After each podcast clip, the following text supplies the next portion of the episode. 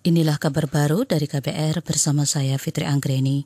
Lembaga Kajian Ekonomi Indef mendorong pemerintah mempersiapkan ketersediaan pangan menghadapi kenaikan konsumsi saat Ramadan. Peneliti Indef Rusli Abdullah juga meminta pemerintah segera melakukan impor untuk komoditas tertentu yang tidak bisa dipenuhi dalam negeri. Beras, telur, aman semua yang yang aman ini kubura cabai bawang putih bawang merah. Yang memang dia tergantung pada musim kan. Sekarang masih musim meskipun udah mau marah ya tapi masih ada hujan tuh. Hmm. dan itu akan juga takutnya merusak apa namanya logistik ataupun produksi dari bawang putih atau cabai merah hmm. atau cabai yang lainnya. Itu yang harus diperhatikan mbak tiga itu Peneliti Indef Rusli Abdullah juga menyarankan pemerintah segera mendatangkan gula impor dan memastikan ketersediaannya sebelum Ramadan.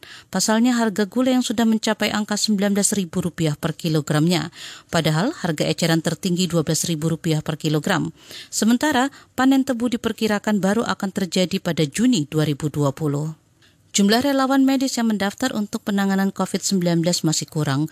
Jumlahnya masih belum cukup untuk memenuhi kebutuhan di rumah sakit rujukan dan rumah sakit darurat. Ketua Relawan Gugus Tugas Percepatan Penanganan COVID-19 Andre Rahadian mengatakan jumlah relawan medis mencapai 4.400-an orang dan relawan non-medis 19 ribuan orang.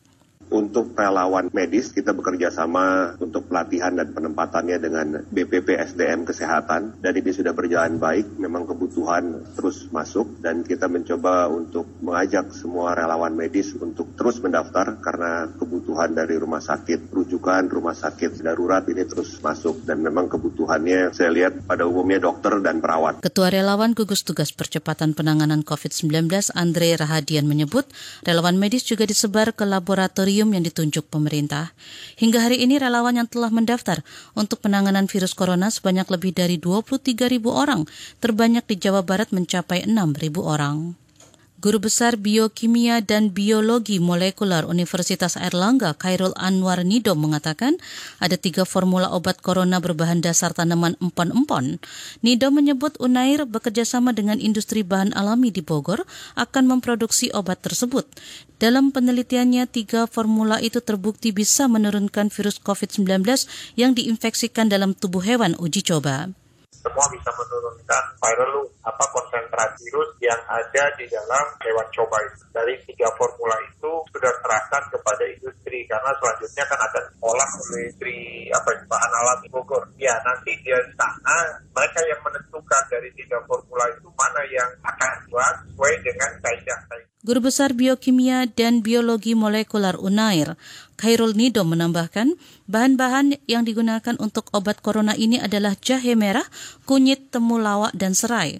Namun Nido belum bisa memastikan kandungan mana yang bisa membuat virus corona berhenti berkembang, sebab penelitiannya dilakukan dengan mencampurkan bahan-bahan tradisional dan masih memerlukan penelitian lebih lanjut.